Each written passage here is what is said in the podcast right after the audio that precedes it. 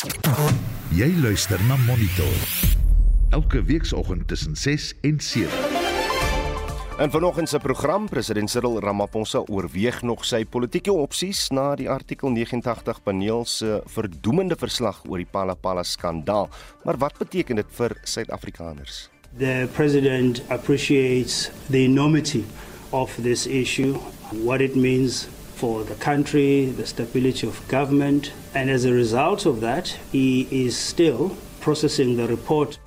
Kunstenaars is ontevrede omdat hulle na 'n optrede by die Vrystaatse Kunstefees nie betaal is nie.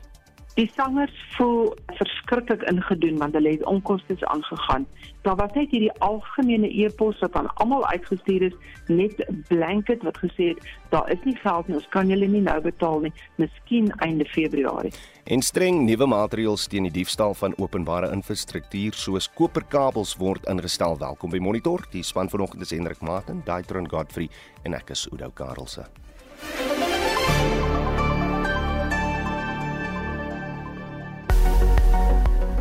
En hier volg die minimum en maksimum temperature in die reisigersweervoorspelling. Pretoria 1633, Johannesburg 1530, Vereniging 1531, Mbombela 14 en 28, Polokwane 1327, Mahikeng 1833, Vryburg 1732, Bloemfontein 1532, Kimberley 16 met 'n maksimum van 33, Appington 16 en 34, Kaapstad 1721, George 1524, Kruiberga 1823, Oos-London ook 1823, Durban 19 met 'n maksimum van 30 grade, Richards Bay 19 en 32, Pietermaritzburg 16 31. Ek is Jomarie Verhoef. Die volgende weervoorspelling op RSG is om 7 uur en maar vir meer inligting kan jy intussen die weerdienste se webwerf besoek. Dis www.weathersa.co.za.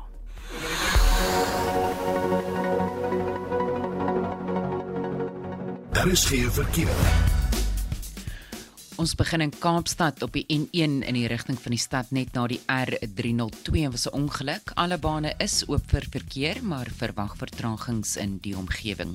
In KwaZulu-Natal op die N3 tolkonssessie in die rigting van Johannesburg naby die Shell Ultra City was 'n ongeluk waar 'n voertuig betrokke was. Die linkerbaan word versper, maar verkeer beweeg verby die toneel. En ook op die N3 tolkonssessie in die rigting van Johannesburg tussen die Ryds wisselaar en die Frankfurt vredewisselaar was 'n botsing tussen twee vragmotors en dit klink of een van die vragmotors aan die brand is. Die noodbaan word daar versper. Ek is Estie de Klerk met jou verkeersnuus vanoggend en indien jy enige ander verkeersnuus het, stuur vir ons 'n SMS na 45889. Onthou dit kos R1.50 per boodskap en begin daardie boodskap met die woord verkeer.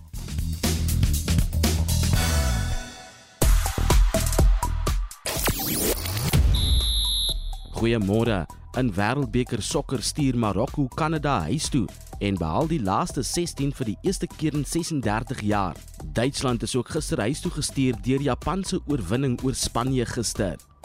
In golfnuus geniet Tristan Lawrence se voorsprong in die SA Ope Golftoernooi en die HSBC vroue sewees rugby toernooi skop vanoggend in Dubai af. Meer sport bietjie later.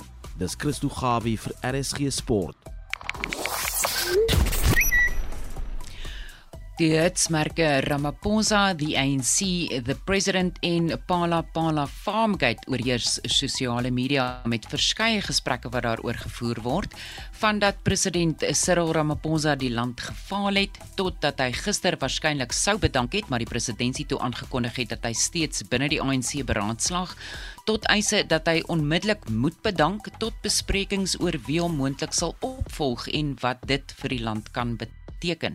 Die hitsmerk Ramaphosa is al meer as 62000 keer gedeel en the president reeds meer as 416000 keer. Ek is nou nou terug met nog sosiale media nuus. Nou as jy daaroor wil praat, laat weet beslis wat jou mening is. Maar wat Frans vanoggend wel, die regering het hierdie week besonderhede gegee van maatreëls om die diefstal van infrastruktuur en die verkoop daarvan as skrootmetaal te bekamp. Die maatreëls begin met 'n 6 maande lange verbod op die uitvoer van afvalkoper en ysteralloye. Daarna sal 'n permitstelsel ingestel word om die handel in skrootmetale streng te reguleer. Nou die diefstal van infrastruktuur beloop sowat 47 miljard rand jaarliks. Dink jy die maatreël sal werk of sal dit slegs regmatige bestaansbesighede seermaak? Stuur 'n SMS na 4588919 R50 per boodskap. Jy kan saampraat op die Monitor en Spectrum Facebook bladsy of WhatsApp 'n stemnota na 0765366961.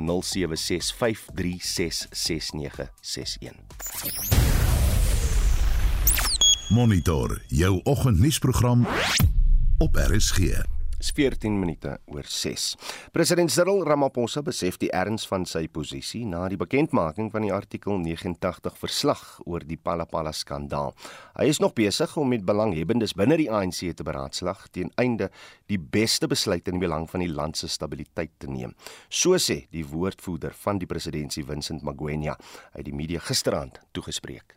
The president appreciates the urgency of this issue the president appreciates the enormity of this issue, what it means for the country, the stability of government, and as a result of that, he is still processing the report, but in that exercise, he's also engaging a number of role players and stakeholders across the governing party, different levels of the governing party, at different levels of the alliance and he's engaging a broad range of stakeholders.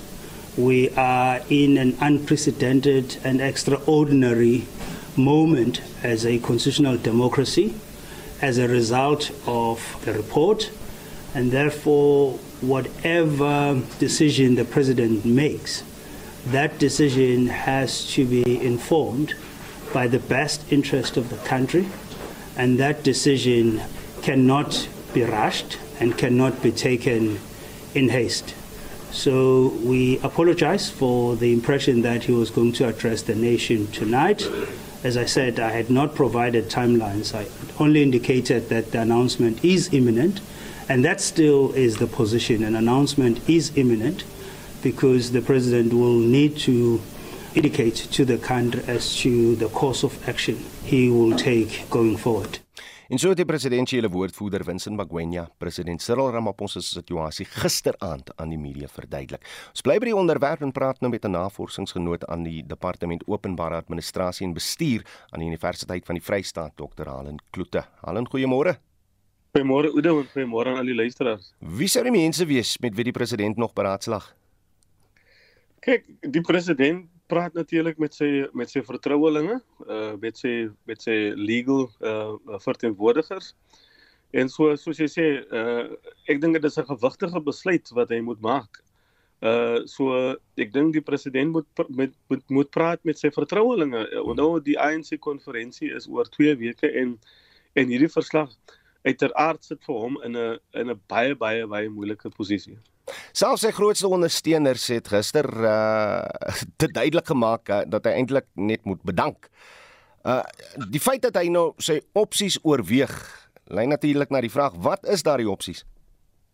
Kyk die president kan natuurlik hierdie verslag onder in in English they say you can take it under review. Uh en, en so die die die verslag sê dat dat daar is nog steeds inligting wat hulle nie heeltemal gehad het nie. So daar is nog steeds gebreke aan aan die verslag. So die president uh moet die hele is is 'n is 'n groot verslag met is is volumes en so die verslag is nie heeltemal myns en sins conclusive nie. Hulle sê daar mag daar mag there may be it says mm. a case to be answered. You know the word may be they may have a case to answer. En so hy dink ek praat met sy politieke raadgewers, met sy regsraadgewers om sy opsies dan nou te te bespreek. Hoekom trotseer hy dan nie net die staat van beskuldiging nie? Want die ANC het mos nou reeds gesê dis ons man vir die verkiesing in 2024. Hulle sal hom in die parlement beskerm tog nie? Ek dink so, ek dink dit is die aard van politieke partye om hulle leiers te be, te beskerm. Ek dink ons was al heel met president Zuma. uh, uh wat die getuienis verdoemend was. Uh uh, uh so politieke partye as jy kyk in die in die FSA die Republieke die Republikeine hoe hulle byvoorbeeld Donald Trump beskerm en so dis in die aard van politieke partye om hulle leiers te beskerm. Dink jy dit gaan vir Cyril Ramaphosa hier oor sy integriteit? Ek dink tog so, jy weet, die president hou vol dat hy het nie sy posisie misbruik as staatshoof nie. Uh, uh hy hy hou vol dat dat dat hy is onskuldig en hy het die regte prosedure gevat. Uh partymense sal voel as hy dan nou uh omdat die verslag sê dat hy may have a case to answer, hmm. dat die opsie moontlik sal wees is dat hy bedank die die vraag is in wat dan? Ek dink dis die dis die groot vraag op Suid-Afrikaners se lippe. Hmm sou die president bedink dan wat dan want die opsies rondom ons lyk so min. Uh verstaan uh die die ANC letterlik, you know, Ramaphosa is die gesig van die ANC ten spyte van hierdie uh, klad, maar die groot vraag vir my bly weer Arthur Fraser het nou hierdie saak uh, aan die lig gebring. Mm. Nou sy eie geloofwaardigheid. Ek 'n uh, uh, mens 'n mens weet nie. Ek sê 'n mens spekuleer. Uh, maar uh, ek weet nie waar hy aan die inligting byvoorbeeld gekom het mm. en so um, mens you know you smell a rat so die hele dit is nie so uh wit swart soos wat dit wil lyk nie ek dink daar is nog baie onbeantwoorde vrae uh wat in Suid-Afrikaners se koppe aanmang met wat Suid-Afrikaners angstig maak is wat as die president moet bedank mm. want ten spyte van van uh van hierdie verslag bly Ramaphosa ek dink die beste wat daar nog is uh, uh in die, in die in die oë van Suid-Afrikaners. As ons kyk na die reëls, as hy vandag sou sê ek tree uit, ek bedank. Wie sal dan volgens die grondwet die president moet wees? Ek dink die natuurlike is dan die deputy president, die Didi. uh die die die uh Mabuza. So ek dink dit is die uh, natuurlike opvolger dan. Hmm. Uh unless die ANC dan nou anders op die meerderheid anders besluit, maar ek dink die die die logiese volgende persoon sal wees die uh deputy president. Daar's vanmiddag 'n nasionale uitvoerende komitee vergadering van die ANC. Wat is jou verwagting van van hierdie vergadering en ook as jy president Ramaphosa is, maak jy 'n verklaring voor of na daai vergadering? Maar nou die die, die Ramaphosa gedeelte of die Ramaphosa faksie beheer nog steeds die nasionale uitvoerende komitee. So hulle hulle hulle het 'n rekord om agter die president te kom. Hmm. En ek dink die argument gaan wees is dat ons met hierdie verslag onder 'n uh, 'n uh, 'n uh, regsopinie kry, gaan die presidentsie hierdie verslag uh laat uh, review of of gaan ons dit net aanvaar? Het ons ek dink nie almal van hulle het al die hele ding geleer het. Byvoorbeeld toe ek hier 'n verslag kry het ek vinnig gescan en net gaan kyk na die aanbevelings toe. So so die verslag sê dan my die my die my have a case to answer. Hmm. En so ek dink die nasionale uitvoerende komitee gaan agter hom kom. Dit plaas die president natuurlik en dit sê ons nou al die afgelope tyd toe hierdie saak uitkom en en die en die vaagheid daarvan het die president uh onder ek dink hy het 'n paar politieke houe geneem met dit. Uh en, en dit plaas hom in 'n swakker posisie maar nou is hy afhanklik van die beskerming van mense en en uh anders sy politieke vyande sal byvoorbeeld nou sê ons het hom mos gesê ons het julle gesê hmm. hy is nie so skoon as wat julle wil wat wil toegee nie en natuurlik die die opsy reël kom nou in maar die opsy reël is baie duidelik jy moet formeel aangekla word dan moet jy opsy staan uh so in hierdie geval myns insiens ek ek eh, die president is nog nie aangekla nie. Hmm.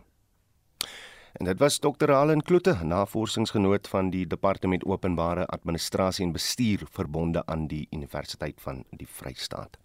Die organisasie Groundwork is bekommerd oor die verbod op die verkoop van skrootmetaal. Die afvalveldtog aktivis Musa Chamane sê die verbod neem kos uit die monde van afvalherwinnaars. Die regering het regulasies bekend gemaak wat die uitvoer van koper vir die volgende 6 maande verbied. Dit is die eerste fase van 'n 3-fase ingryping om die wydverspreide diefstal van metale uit openbare infrastruktuur te bekamp. Musa Chamane is van Groundwork it will really affect the waste pickers because they rely on recycling scraps like aluminum cans, steel, iron, and so on in making a living. So it's really going to affect their income. But there is a criminal element in it, as we are aware that ESCOM, Transnet, they are battling the infrastructure damage because people who are scrap dealers are taking these materials and exporting them. Musa Chamni van Groundwork Die diefstal van koper en ysterhoudende metale kos die Suid-Afrikaanse ekonomie daagliks sowat 130 miljoen rand. Die minister van Handel, Nywerheid en Mededinging, Ibrahim Patel, het Woensdag gesê die bedrag beloop jaarliks sowat 47 miljard rand. Die misdaad lê die spoorvervoernetwerk en elektriese opwekking lam. Die nuwe maatreëls poog om verkopers en kopers van afvalyster ingevolge die tweedehandse goedere wet te registreer. Die bedryfshoof van die Federasie van Staal en Ingenieursbedrywe, SIFSA, Tafatswa Shibanguza, sê die aanvanklike voorgestelde konsepregulasies oor die verbod op die uitvoer van skrootmetaal was op alle skrootmetale van toepassing. If you look at copper, which is the real issue, in terms of how it's sparsely spread across the country, which is difficult to police, and a metal that is in demand globally, it's very different to the stainless steel scrap metal in terms of the demand and supply dynamics, where stainless steel has one major procurer domestically of scrap stainless steel, and it's not a metal in demand for theft. Shibangusa sê geen beleid kan doeltreffend toegepas word sonder om die veiligheidsaspek te hanteer nie. The elephant in the room is actually security. If you were to ban the export of scrap metal and then you depress the domestic demand, if you don't enhance your policing, the criminals would then just steal double the amount of metal to make up for that price decline. So that's an unintended consequence that we did highlight there that is we have to deal with the security issues because anything else that we attempt will come to naught if the security area is not strengthened. Hy sê deur die prys laer te maak met 'n verbod op die uitvoer van metaalskroot word die wins van die misdadigers weggeneem. Maar wat is die gevolg van die beleid op die nywerheid? You do affect the steel ecosystem by depressing prices. So you give some producers a cost advantage. By trying to resolve the security issues, you have now also affected the industrial policy. Hence, then we're saying you need to focus on what it is that you want. If you want to solve the security related issues, just enhance the policing capacity. And then you resolve it without even banning the export of scrap. Die maatskaplike gevolg is dat kos uit die afvalherwinningshandelaars se monde geneem word you have the waste pickers who are legitimately picking scrap metal waste. You take away their livelihood. But not only them, if you took a blanket approach, what would then happen is that even the companies that are legitimately generating scrap from manufacturing processes would also be impacted because that scrap that they generate, they sell back into the system as a cost recovery mechanism. Tafatwashi Banguza is die bedryfshoof van die Federasie van Staal en Ingenieursbedrywe, SIFSA. Wat die beveiliging van openbare infrastruktuur betref, het die Gautengse kommissaris van polisie se kantoor op 18 Augustus 2022 'n verklaring uitgereik wat die nuutgestigte essensiële infrastruktuur taakspan EI TT in die Vaalgebied gebaseer aangekondig het. Volgens verslae het die Vaalgebied in die onlangse tyd die kern van die onwettige koperhandel geword, vanwaar dit na China uitgevoer word, aldus misdaadkenners. Monitor het nie reaksie van die woordvoerder van die EITT eenheid gekry nie. Mitsi van der Merwe, SAK-nuus. Data van die sentrale energiefonds wys dat 'n wêreldwye daling in die olieprys waarskynlik tot laer brandstofpryse hier plaaslik sal lei. Daar word geskat dat dieselpryse na verwagting met sowat R1.55 per liter sal daal, terwyl petrolpryse na verwagting steeds sal styg, maar net met 30 sent per liter eerder as die R1 wat teen die middel van die maand voorspel is.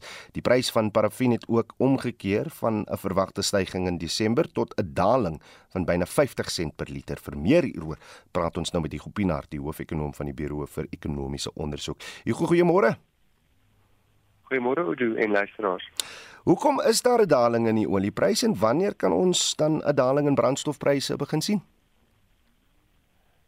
So so van volgende week af, ehm um, jy het nou genoem uh, aan die dieselpryskant, so, so ons verwag uh die eerste week wel ons is nou by die 1 Desember maar volgende week verwag ons dan 'n groot daling in in die dieselprys en dit is grootliks as gevolg van ek, ek weet gewoonlik dink ons aan die aan die petrolprys is is 'n funksie van die internasionale hmm. olieprys en die rand dollar uh, wisselkoers maar eintlik gaan dit oor wat met ehm um, produkpryse uh, internasionaal gebeur wat ek met produkpryse uh, bedoel is uh, internasionale diesel en petrolpryse wat op hierdie stadium uh, voer ons nie drie olie in nie maar ons voer baie van hierdie afgeleide produkte in omdat ons raffinaderye plaaslik uh, nie tot dieselfde mate funksioneer nie. So die lank en die kort is die internasionale dieselpryse die afgelope maand uh, nogal mooi uh, gedaal.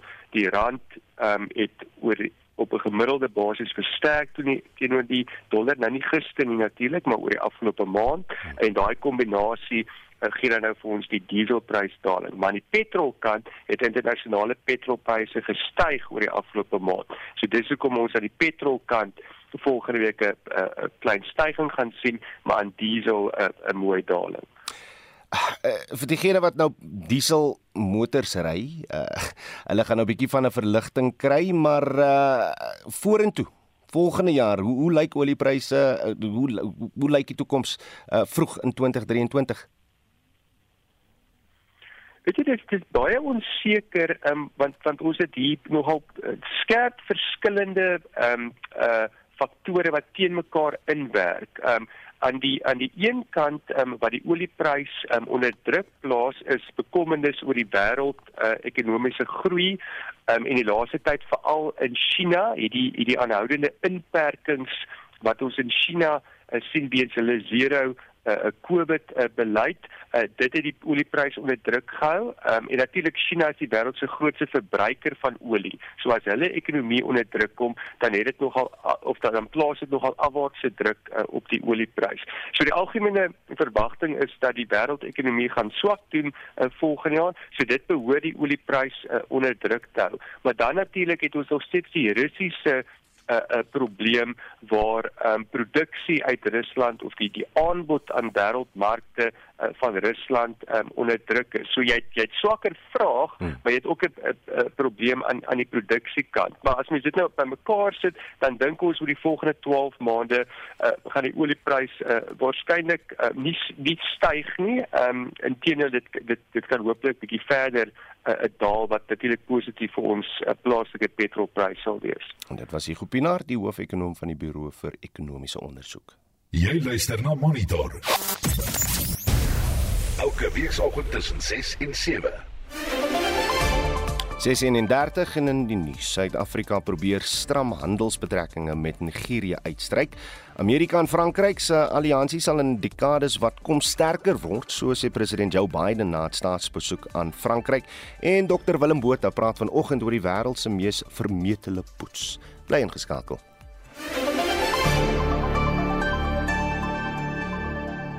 Daar is geen verkeer. In Kaapstad op die N1 net na Durbanweg was 'n ongeluk en dit veroorsaak verkeersvertragings op die R300. Op die N2 by Philip Gossana in die rigting van die stad was 'n ongeluk en die regterbaan word daar versper. Op die N7 in die rigting van Goodwood lê 'n voertuig op sy sy en die regterbaan word daar versper. En op die N2 net na Mielweg in die rigting uit die stad uit was 'n ongeluk en die linkerbaan word daar versper. Indien jy enige ander verkeersnuus het, stuur 'n boodskap na 45889 onthou dit kos jou R1.50 per boodskap en begin daardie boodskap met die woord verkeer. Reg die regering het hierdie week besonderhede gegee van materiale om die diefstal van infrastruktuur en verkoop daarvan as skrootmetaal te bekamp. Uh, van die regulasies wat nou ingestel sal word is dat daar 'n uh, met die uitvoer van afvalkoper en ysteralloye vir die volgende 6 maande eh, 'n uh, verbod sal wees. Daarna sal 'n permitstelsel ingestel word. Die diefstal van infrastruktuur beloop sowat 47 miljard rand jaarliks. En ons wil vanoggend by jou weet, dink jy hierdie maatreël sal werk of sal dit slegs regmatige bestaansbesighede seermaak? Dan het ons ook gevra wat jou mening is oor eh, wat tans met president Cyril Ramaphosa aan die gang is op die SMS lyn. Uh, sê Johan, wat moet ander lande van ons land dink? Eers was dit Zuma en nou Ramaphosa wat korrup is. Waar gaan die land 'n ander president kry wat nie korrup is nie? Dan oor die skroot metaal. Kom ons kyk wat sê die luisteraars. Uh ja, goeiedag. Ten minste is daar nou aksie van die regering se kant af om die sabotasie in te perk, sê uh, Ernst. Ons uh, weet ook daar gaan 'n teenreaksie wees van die diewe. Hulle skuif na iets anders wat kos op die tafel sal sit, sny hulle onwettige verbindings af, dan word uh, sonpanele gesteel. Iets anders gaan in die slag bly as die skrootmetaal mark toegemaak word. Uh en Bets Ferreira sê goeie besluit, die probleem is egter nie reëls en wette nie, die probleem is die beheer, toepassing, kontrole daarvan. Dis die regte besluit. Kom ons kyk of die uitvoering daarvan sal realiseer. As jy 'n mening hieroor wil lig, stuur 'n SMS na 45889. Dit sal jou R1.50 kos per boodskap. Jy kan ook saampraat op Monitor en Spectrum se Facebookblad en julle stemnotas op WhatsApp deur na 0765366961.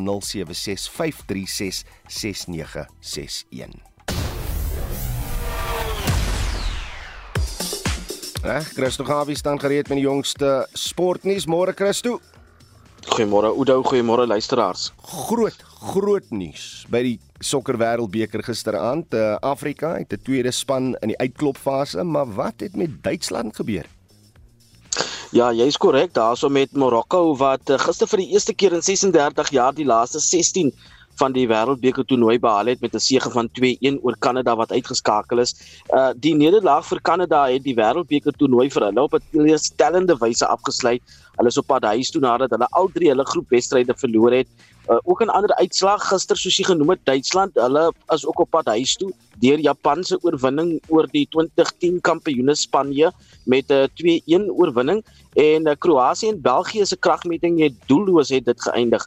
Vanmiddag kom Korea en Portugal teen mekaar te staan, Ghana en Uruguay uh, sê mekaar die stryd aan. Brasilië en Kameroen spook ook sake uit om 9 vanaand Suid-Afrikaanse tyd terwyl Servië en Switserland die dag se wêreldbeker sokker aksie later vanaand afsluit. Reg, wat het Tristan Lawrence se pa te doen met sy eerste ronde by die SA Open in golf? ja, ehm um, ek het 'n artikel gelees waar hulle sê 'n wenk van sy pa het hom gehelp om sy eie baanrekord te ewenaar in gister se eerste ronde van die Investec SA Open. Nou die Suid-Afrikaner het die ehm um, onder die 800 baansyfer het hy geëwenaar vir 'n voorsprong van 1 hou bo Engeland se Ross Fisher wie tans tweede is met 700 eh, en die Sweed Jens uh, Fabring derde ook met 700.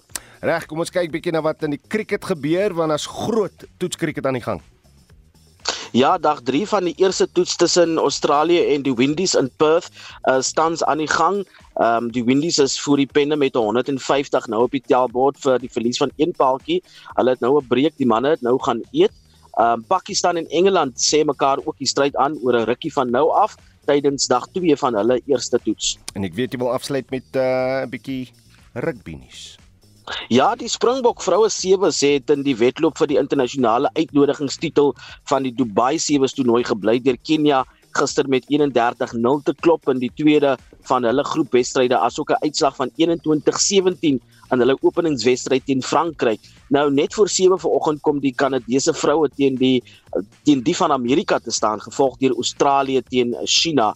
En dan ook nog 'n bietjie rugby nuus, die Sharks se direkteur van rugby en die waarnemende afrigter Neil Powell het 'n hele paar Springbokke het hy ingespan vir hulle kragmeting teen Ospreys vanaand om 7 na middag. Die Stormers en die Dragons, hulle is môre teen mekaar in aksie. En dit was ons Christo Gawie.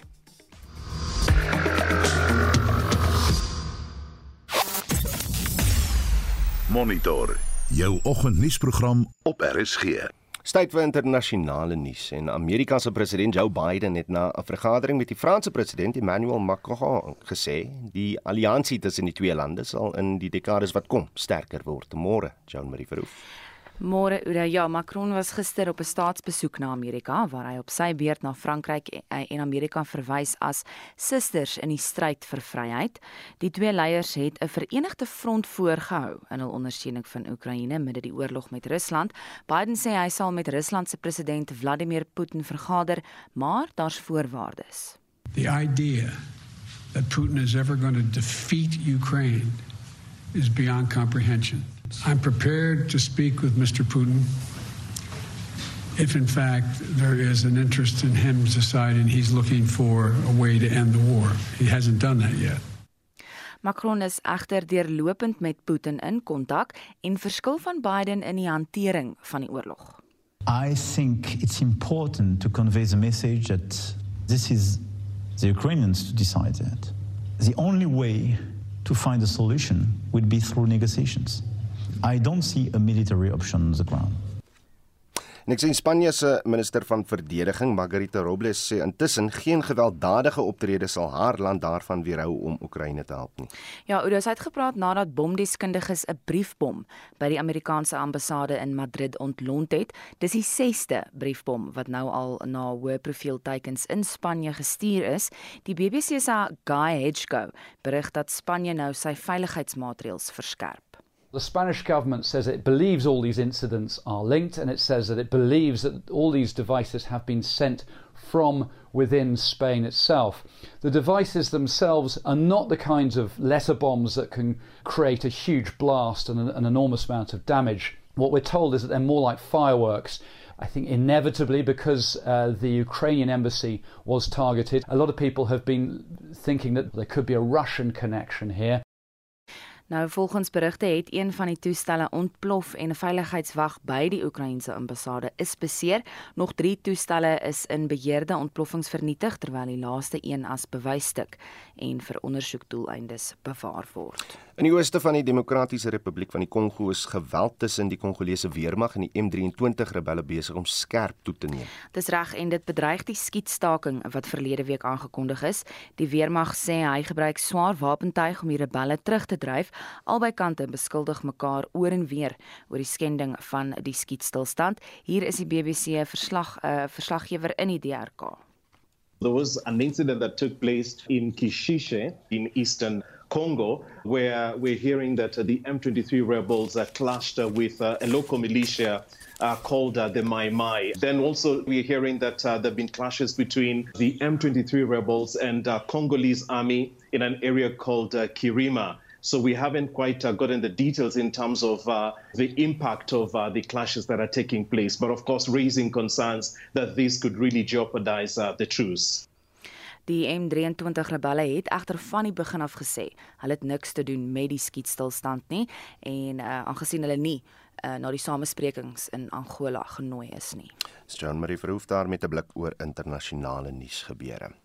Hoewel Nigerië aantreklike handelsgeleenthede vir Suid-Afrikaanse maatskappye bied, gee die minister van internasionale betrekkinge, Naledi Pandor, toe dat daar tog bepaalde struikelblokke is. Gesprekke tussen die twee lande het hierdie week binne die konteks van 'n binasionale kommissie plaasgevind.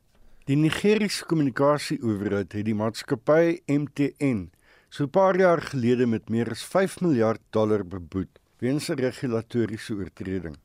Die boete is na regeringsdiplomatie verminder. Nietemin bly Nigerië 'n uitdagende sakeomgewing. Pandor het so daaroor kommentaar gelewer. I have noted that South African companies have recently reported that they find it difficult to operate in Nigeria. Some of the reported challenges include regulatory issues and non tariff barriers. As a result, sadly, the number of South African companies operating in Nigeria has significantly decreased from above 350 to the current 120 companies, with recent departures being large retail companies such as Game, ShopRite, and Sasol. We are making uh, strides in encouraging Nigerian businesses to invest in South Africa. One of the uh, constant refrains in our earlier discussions was the uh, lack of access for financial uh, institutions uh, that are resident in Nigeria. And I'm really glad that Access Bank is now open in South Africa. Nigeria se minister van buitelandse sake, Jeffrey Onyama, het na die vergadering van die kommissie in Pretoria gesê land werk hard daaraan om die sakeomgewing te verbeter. We on our side have to keep working very hard at making our country an investor-friendly country. We appreciate that uh, we're not where we want to be, but we're working very, very hard, and uh, and uh, at the highest level of government, it's a real priority. Now, um, so we have to do what we have to do to lure back those South African retailers and other uh, businesses that have decided, for whatever reason, to withdraw. Dit was Nigeria se minister van buitelandse sake, Jeffrey Onyama, wat daardie bydra van Kayihle Kumalo afgesluit het. Ek is Hendrik Martin vir SAK nuus. Praat nou daaroor met 'n politieke ontleder verbonde aan Unisa professor Joansi van Wyk. Joansi, goeiemôre. Goeiemôre Oude. Hoe belangrik is Nigerië vir Suid-Afrika se handelsvernoot? Ons is inderdaad 'n baie belangrike ehm um, vennootskap met Nigerië. Dis omtrent 4.3 miljard rand wat wat jaarliks tussen Suid-Afrika of vanuit Suid-Afrika sin toe gaan. Die minister het nou self genoem die groot aantal uh, Suid-Afrikaanse besighede wat daar belê het. Weliswaar het die, die getalle baie afgeneem vanweë veranderinge natuurlik in Nigerië, um, in Suid-Afrika, die pandemie en natuurlik ook die altyd maar die spanning wat onderliggend is aan hierdie twee groot reëse in hulle eie streke um, wat albei baie ambisieus is. Um, en dit is van die goed wat wat natuurlik wel uh, belangrik is. Maar Suid-Afrika sien Nigerië as hierdie um, deurgang na Wes-Afrika toe in terme van die die produkte. En natuurlik Nigerië is ook belangrik vir die nuwe um, Afrika um, kontinentale vryhandelsone waarvan Suid-Afrika natuurlik nou ook 'n lid, lid is en wat dan ook bedoel om handel um, vry en 'n uh, vrye um, verkeer van mense op die kontinent laat gaan. Maar ons weet dat MTN was was um, een van die maatskappye wat homself regtig sy rime daar vasgeloop maar ons weet ook dat in terme van die die ehm um, die simboliek van Nigerië as 'n is 'n sterk moondheid, sterk leiersland in sy streek binne die Afrika Unie en dan natuurlik in Suid-Afrika ook. So ons is afhanklik van mekaar in terme van die kohesie en die solidariteit wat die kontinent by internasionale fora soos die Afrika Unie of by die VN moet moet uh, wys, maar ons weet dat die onderliggende spanne vind homself hmm. tog ook plaas in xenofobie en 'n misdaad in ons land. So die geleentheid is daar, maar Pandor noem ook dat die aantal Suid-Afrikaanse maatskappye wat sake in Nigerië doen van 350 tot 120 verminder het. Weet ons hoekom? Kyk, soos wat sy in die nuus uh, insetsel wat jy daar gehad het genoem het, is dat die ehm um, goed wat sy genoem het, wat daar is administratiewe rompslomp wat vererger het, dat daar natuurlik ehm um, tariewe um, ingestel is op um, ingevoerde en Suid-Afrikaanse produkte. Die ander ding is ook dat dit is moeilik om met Nigerië sake te doen vanweë die feit dat dit is 'n uh, federasie van 36 state. So om die die die ehm um, federale regering te gaan en dan nog deur watter hoeveelheid state wat jy dan ook nog in wil belê is taamlik kompleks. En dan is daar maar altyd die probleem met vrae rondom korrupsie in in Nigerië om sake daar te doen. En natuurlik is ek baie sake um, ondernemings onttrek nadat ehm um, daar ook xenofobiese aanvalle teen Suid-Afrikaanse maatskappye in ehm um, Nigerië was. En dan moet ons ook in ag neem dat die pandemie het baie um, ondernemings in 'n posisie eh, gelaat wat hulle moet hulle belange herbesin en dan ook natuurlik konsolideer waar hulle oral teenwoordig is. Professor Joansi van Wyk is 'n politieke ontleder verbonde aan Unisa. Monitor jou oggendnuusprogram op RSG. Die biblioteek van die Universiteit Stellenbosch het uh, die regter Edwin Cameron versameling bekend gestel. Die versameling bevat publikasies en toesprake deur regter Cameron asook materiaal oor sy loopbaan en jare as regter van die konstitusionele hof van Suid-Afrika. Ons praat nou met die dekaan van die fakulteit regsgeleerdheid by Maties, professor Nicolas Smit. Nicolas, goeiemôre. Goeiemôre Udo. Is daar nog besonderhede van die versameling wat jy met ons kan deel? Ja, sekerlik. Jy weet die indeks van versamelings eh, beslaan op sigself 35 bladsye en dit beskryf die inhoud nogal in detail. Dit sluit in korrespondensies oor talle aspekte, sy pryse, eregrade, navorsing, sy toekennings ontvang, dagboeke, hofsaake, lesingnotas en dan ook toesprake, jy weet by oorsese en plaaslike universiteite en dit gunste van spesifieke sake, so ondersteuning soos die treatment action campaign. Hmm. Uh video's, koerante, dit is soos werklik omvattend en dit bevat ook baie publikasies, jy weet, um, artikels en boeke en dan natuurlik sê gesê ook materiaal oor sy vrywillige gemeenskapsdiens. So 'n baie besonderse versameling waaroor ons baie opgewonde is. Wat beteken dit vir uh, die fakulteit en en en ook vir vir navorsers? Ja, so jy weet ek gee baie unieke blik uit 'n private versameling oor 'n baie um, uh, interessante tyd in ons land se geskiedenis. En regter Cameron, dit miskien in sy eie woorde, hy het al self die belang in die relevantie van geskiedenis onderstreep. Hy het in 2017 in 'n uitspraak van uh, van die konstitusionele hof het hy gesê dat die verlede nog nie klaar met ons nie. Hm.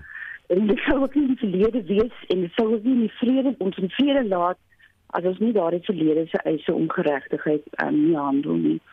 So hierdie versameling gee vir navorsings en natuurlik ook ons regstudente 'n 'n uh, geleentheid om met die verloop van die geskiedenis om te gaan en ons verlede beter te verstaan en dan natuurlik om hopelik ook lesse daaruit te leer.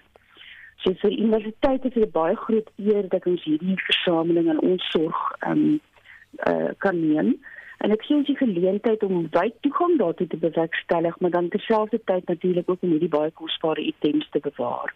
Die vlak en dit was die dekaan van die fakulteit regsgeleerdheid by Maties professor Nicolas Smit. Die media het van dese week berig oor die wêreld se mees vermetele poets. Willem Botha gesels derhalwe vanoggend oor hierdie poets en waar die uitdrukking om iemand 'n poets te bak vandaan kom. Môre Willem. Môre Oudo. Vertel ons van die wêreld se mees vermetele poets. Oudo, Theodor Hoek, skrywer en komponis, 2009 op ouderdom 21 'n wetenskap vir een dien met sy vriend Samuel Beasley aangegaan.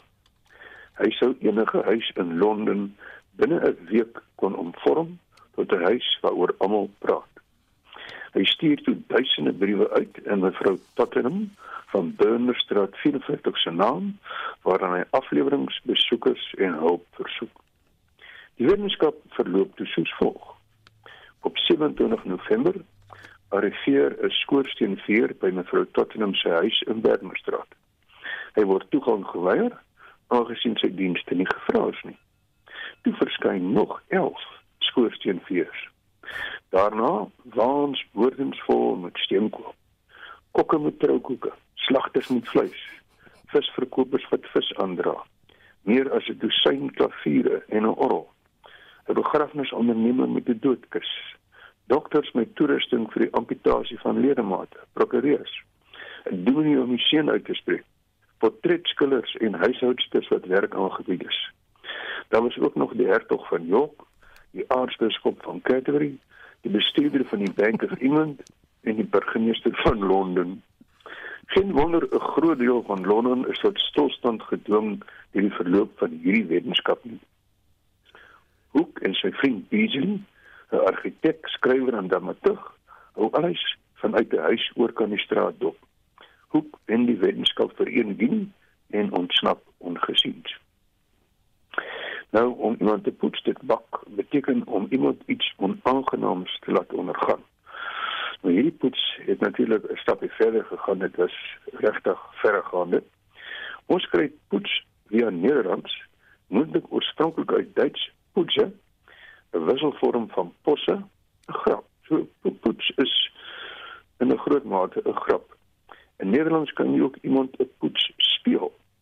Hmm. Nou ons woord potsierlik wat koddig of lagwekkend beteken, hou ook verband met poets, aangesien die Nederlands potsierlik ook uit die Duits posse 'n grap gevorm is. En Nou weet ons almal Dr Willem Botha altyd interessant om na jou te luister.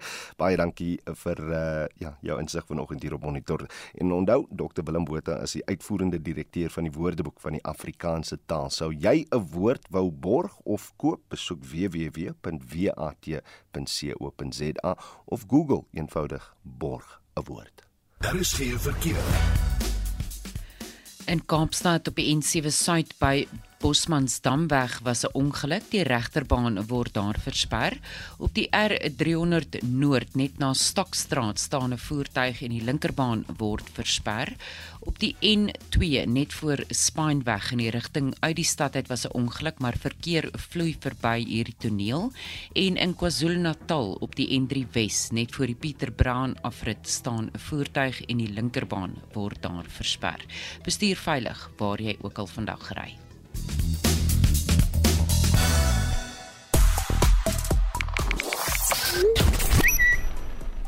In internasionale nuus op sosiale media trek die hitsmerk Trump groot aandag en dit is nadat die appelhof van die FSA Trump se aansoek dat 'n onafhanklike prokureur uh, wat kan besluit of enige van die dokumente waarop die FSA se departement van justisie beslag gelê het uh, by sy huis in Mar-a-Lago onder prokureur kliënt vertroulikheid beskerm sou kon word van die hand gewys is.